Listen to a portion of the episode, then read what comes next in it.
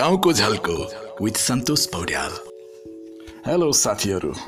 गाउँको झल्को लिएर आएको छु म सन्तोष पौड्याल। हामी नेपालीहरूमा एउटा कमन कुरा छ। हामी धेरै जसो जीवनको कुनै न कुनै कालखण्डमा गाउँसँग घुलमेल भएकै छौँ। अझ त्यसमा पनि पहिले पहिले त धेरै जसोको बाल्यकाल नै गाउँमै बितेको हुन्थ्यो। आजकल बरु घर चाहिँ गाउँमा भए पनि धेरै जसो बालबालिकाको बाल्यकाल सहरमा बित्न थालेको छ। गाउँमा नजन्मे पनि मामा घर फुपू घर मितबाको घर सानिमाको घर भन्दै कतिपयको जिन्दगीका थुप्रै सम्झनाहरू गाउँघरसँग जोडिएका हुन्छन्। गाउँघर ती सम्झनामा बसेका हुन्छन्। यस्तै सम्झनाहरू यस्तै गाउँका यादहरू प्रस्तुत गर्दैछु म सन्तोष पौड्यालले गाउँको झल्को मार्फत। त्यो बेला पत्र मित्रताको निकै लहर थियो। युवा मञ्चमा वर्षको एकपटक एउटा कुपन निस्किन्थ्यो।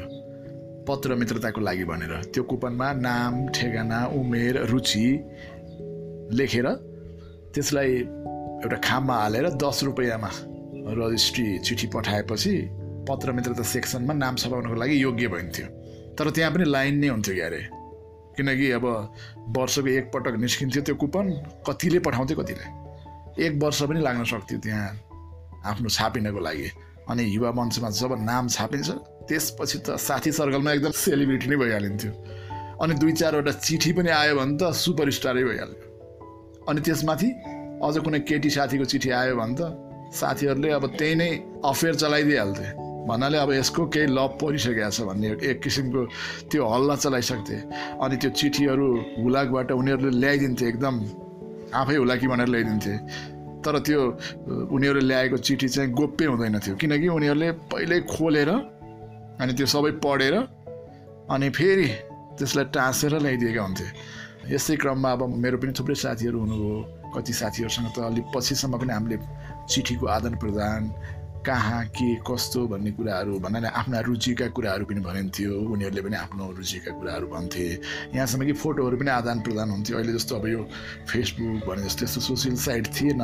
त्यसैले एक किसिमको छुट्टै आनन्द आउँथ्यो। त्यसरी नचिनेको मान्छे पछि हामी चिन्दै गएर एक आपसमा चिठीहरू पठाउने कामहरू गर्दै गइसकेपछि साथी बन्दाखेरि निकै रमाइलो महसुस हुन्थ्यो।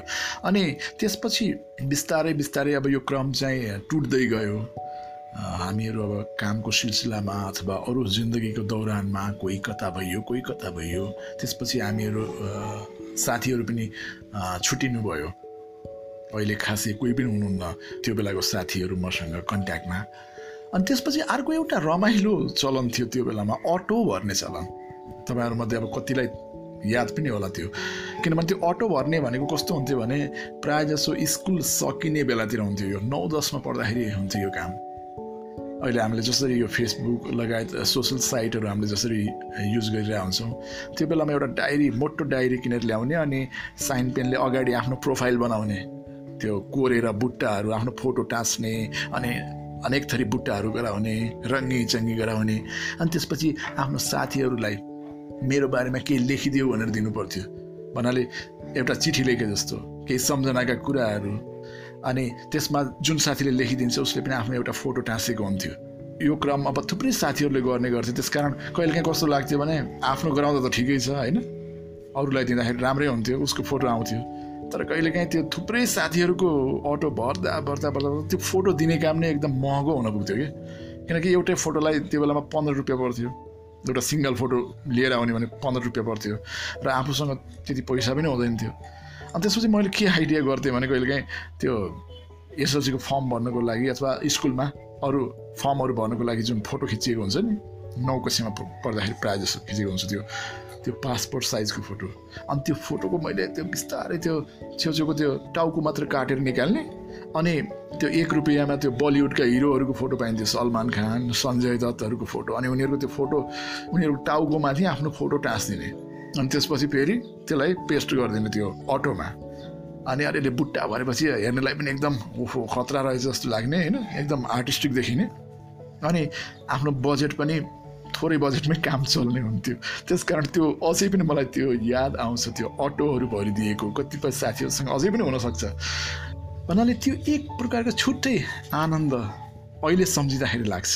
त्यो बेलामा मैले जतन गरेर राखेको भए हुन्थ्यो ती कुराहरू ती यादहरू अहिले पनि हुन्थ्यो होला जस्तो तरिकाले अहिले पनि मैले सोचिरहन्छु।